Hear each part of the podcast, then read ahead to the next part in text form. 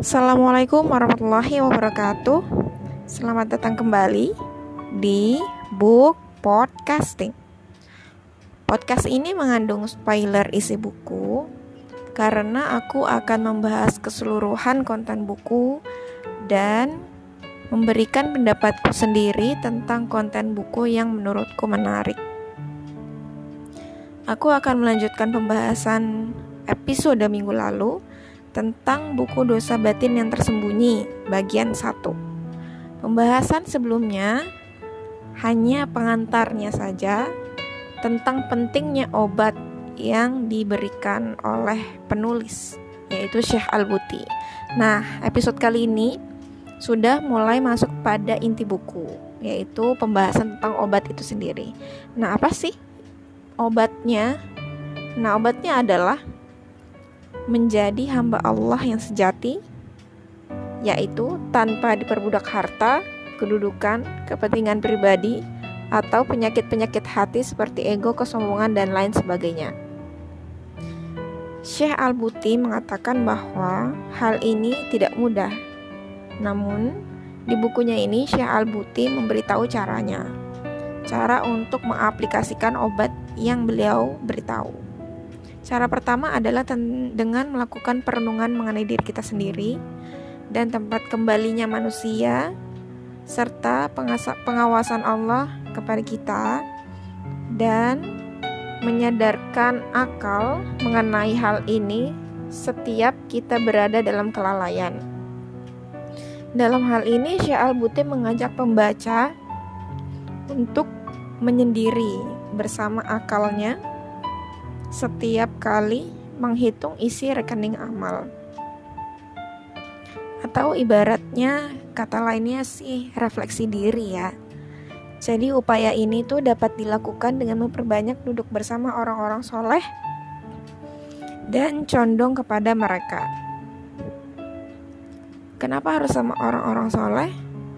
Menurutku pribadi ibaratnya bersama orang-orang soleh ini memberikan kita wawasan, serta dapat menyentil hal-hal yang mungkin belum sesuai dalam hidup kita yang membuat diri kita lebih merefleksikan diri kita dan introspeksi diri serta mampu menjauhkan diri dari perkumpulan yang melalaikan. Jadi bersama orang-orang soleh dapat menjauhkan diri kita juga dari perkumpulan yang melalaikan. Cara kedua, yaitu dengan membiasakan diri untuk selalu membaca wirid secara berkesinambungan, baik itu berupa bacaan Al-Quran, diikuti dengan tasbih, istighfar, dan zikir. Sebenarnya hal ini sudah tertuang dalam firman Allah dalam surat Toha ayat 130, surat Ghafir ayat 55, surat Al-A'raf ayat 25, dan surat Al-Insan 25 sampai 26. Di bukunya ini, Syekh Al-Buti memaparkan ke semua ayat ini beserta penjelasannya.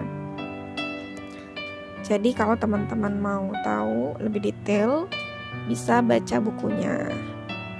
Dan dengan melakukan cara kedua ini, jadi kita dapat mencapai derajat ihsan. Ihsan itu adalah keadaan seorang hamba di mana ketika beribadah seakan-akan Allah melihatnya. Jika tidak mampu merasa Allah melihat kita, setidaknya kita dapat melihat Allah dan merasa yakin bahwa Allah melihat dirinya. Cara ini pula merupakan obat ampuh untuk penyucian jiwa serta membersihkan penyakit-penyakit hati. Cara ketiga, memperbanyak doa dan permohonan serta merendahkan diri di hadapan Allah. Doa merupakan inti ibadah. Ia adalah bentuk penghambaan yang termasuk paling tinggi derajat kedekan, kedekatannya kepada Allah. Seperti yang disebutkan dalam Al-Qur'an dalam surat Al-A'raf ayat 55 sampai 56, surat Ghafir ayat 14 dan surat Al-Anbiya ayat 90. Dalam bukunya, Syekh Al-Buti menegaskan bahwa ketentuan Allah adalah bagian dari keputusan-keputusannya Allah dan pengabulan doa adalah janji yang pasti dia tepati. Sedangkan tugas kita adalah tunduk patuh kepada keputusannya, mengimani janjinya, serta pasrah kepada pengaturannya. Usahakan semaksimal mungkin untuk menghapus tidur dari kedua matamu pada waktu sahur. Itu sarannya Syalbuti ya. Bangun dan sempurnakanlah wudhu. Berdirilah di hadapan penguasa langit dan bumi dengan penuh kehinaan. Kemudian bentangkan kedua tanganmu kepadanya dengan penuh keyakinan bahwa dia maha melihat. Mendengar tangisan dan munajatmu, mengamati beratnya nafasmu akibat rasa sakit yang engkau rasakan, serta mintalah kepadanya agar menyucikan hatimu dari semua yang mengotorinya, membebaskannya dari semua keburukan yang ada dari dalamnya, dan agar dia menjauhkanmu dari dosa yang tampak dan yang tersembunyi. Merengeklah dalam doa-doamu besarkan harapanmu, tangisi diri dan hari-harimu yang berlalu dalam keadaan lalai dari Allah dan lalai dari mengawasi hatimu. Jika engkau melakukan ini terus-menerus, Allah akan mengabulkan doamu, memperbaiki keadaanmu, menyucikan sanubarimu, dan memberikanmu rasa nikmatnya beribadah serta lezatnya berdoa dengan penuh keikhlasan. Itu adalah yang diucapkan Syekh Al-Buti dalam bukunya. Keempat, menghindari memakan sesuatu yang haram. Karena badan yang tumbuh dari harta yang haram biasanya akan tumbuh bersamanya nafsu yang terus mengajak kepada penyimpangan dan pelanggaran dari hukum Allah.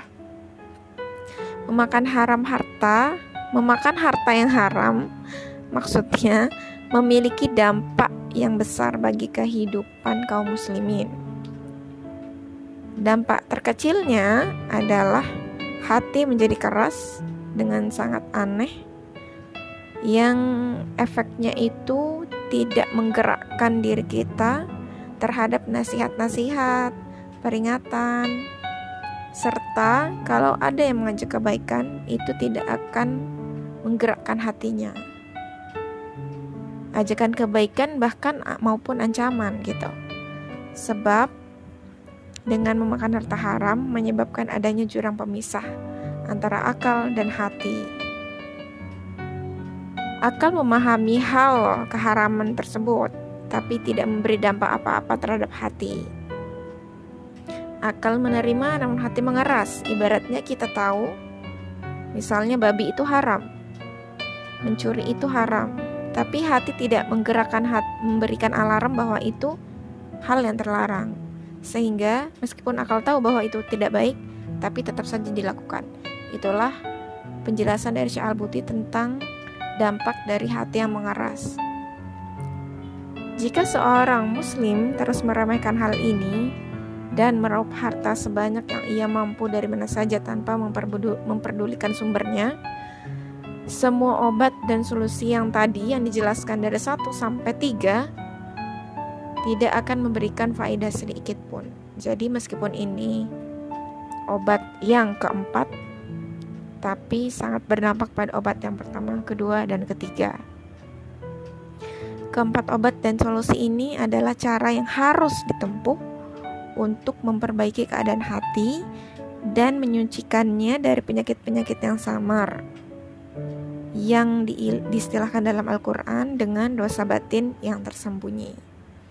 Tanpa menggunakan obat ini dan tanpa perhatian yang besar terhadap dosa yang tersembunyi, keadaan umat Islam tidak akan berubah menjadi lebih baik.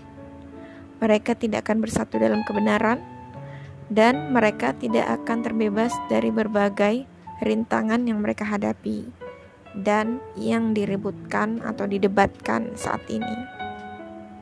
Kesimpulan dari buku ini, Syekh Al-Buti mengajak dan mengingatkan kita kembali tentang permasalahan dasar yang sebenarnya terjadi. Bagaimana menjadi seorang muslim sejati serta memanai Islam dengan yang sebenar-benarnya. Penutup buku ini adalah bagian yang paling aku suka. Judulnya sangat manis dan isinya begitu mengesankan.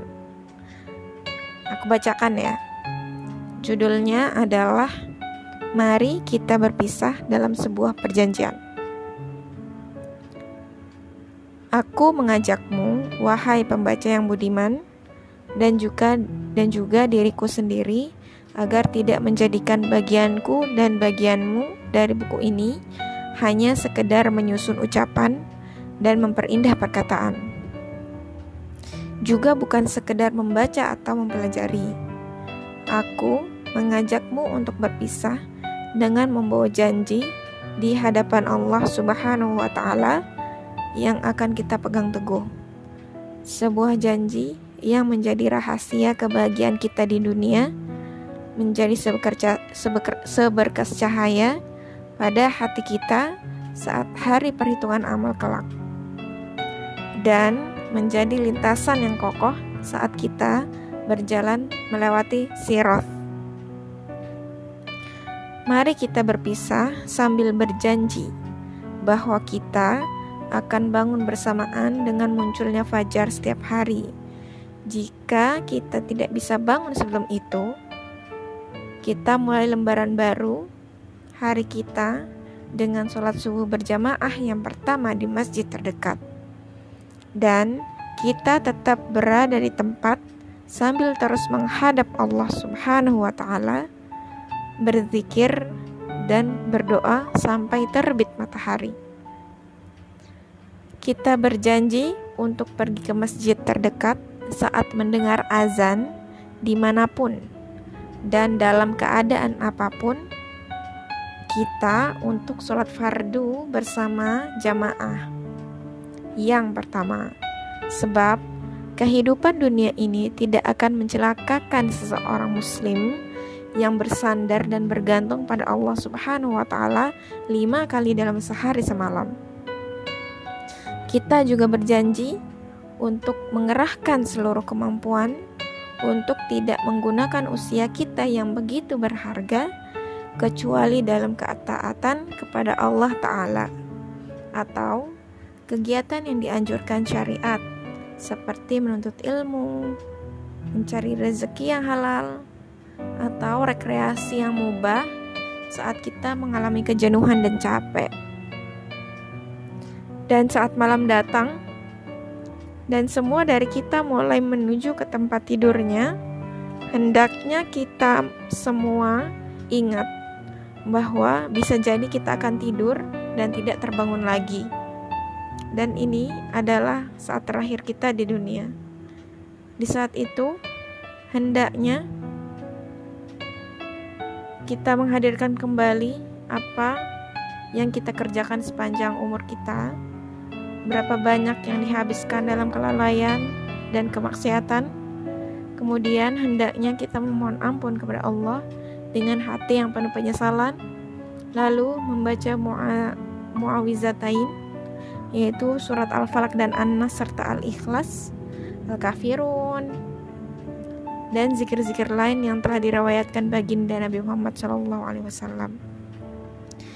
Kemudian hendaknya kita berusaha agar terlelap, agar tidak terlelap, kecuali dalam keadaan bertasbih, membaca istighfar, dan berzikir. Jika dunia dihadapkan kepada kita dengan segala kebaikannya, kenikmatannya, atau dengan segala bencana dan keburukannya, Jangan lupa pada hakikat yang memenuhi seluruh jagat raya, bahwasanya tidak ada yang menganugerahkan, menghalangi, memberi manfaat atau mudarat kecuali Allah Subhanahu wa taala. Dan manusia tidaklah memiliki kuasa atas semua urusannya atau urusan sesamanya. Lalu gantungkan hati hanya kepadanya sembari bersyukur atas segala nikmatnya bersabar atas segala cobaannya, dan tunduk di depan pintunya. Selepas menunaikan sholat dan membaca wirid-wirid setelahnya, janganlah berpindah dari tempat dudukmu sampai engkau mengangkat kedua tanganmu untuk memohon kepada Allah Subhanahu wa Ta'ala dengan hati yang bergetar dari relungnya yang terdalam, dengan merendahkan diri dan tunduk sembari memohon semua kebutuhanmu. Mintalah agar dihindarkan dari segala yang kau takuti dan mintalah ampun atas perbuatan burukmu karena tidak ada kebaikan sedikit pun dari sholat yang terputus yang tidak diakhiri dengan merendahkan diri dan meminta pertolongan dan kebutuhannya kepada Tuhannya. Jika kau merasakan kemarahan manusia padamu, usahakan agar engkau mendapat keridhaan Allah sebagai sebaik-baik pelipur lara yang dapat menyibukkanmu dari kemarahan mereka. Dan hal tersebut lebih baik daripada manusia ridho kepadamu namun Allah marah terhadapmu. Jika hawa nafsu mau mengajakmu untuk menggunjing saudara muslimmu, ingatlah bahwa engkau mempunyai keburukan-keburukan yang bila Allah menyingkap tabirnya darimu, maka dirimu dan aib-aibmu akan menjadi objek perbincangan di semua tempat-tempat perkumpulan mereka.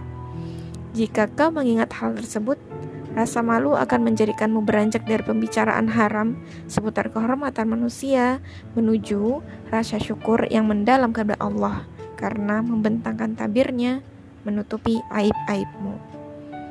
Berusahalah agar modal utamamu saat kelak menghadap Allah Ta'ala adalah hati yang bersih dan suci dari kotoran iri dan benci. Sebab sedikit amal ketaatan sudah lebih dari cukup jika dibarengi dengan hati yang suci dan selamat dari segala penyakit. Akan tetapi, ketaatan yang banyak tidak akan bermanfaat jika dibarengi dengan hati yang penuh kedengkian. Jika nafsumu mengajakmu mengerjakan sesuatu yang haram atau menarikmu untuk melanggar poin-poin perjanjian ini, maka ingatlah perihal kematian jika engkau memang seorang yang benar-benar beriman kepada Allah. Sebab mengingat mati mampu meminimalisir kemaksiatan yang banyak dan memaksimalkan ketaatan yang sedikit. Dan jangan lupa untuk mendoakan saudaramu ini semoga Allah Subhanahu wa taala memberinya taufik agar terus mampu menjalankan janji ini dan doa yang sama dariku kupanjatkan pula untukmu. Itu adalah kata-kata yang tertulis oleh Syekh Al-Buti untuk pembacanya. Masya Allah, aku tidak pernah menemukan penutup buku semanis dan semengharukan yang ada di buku ini.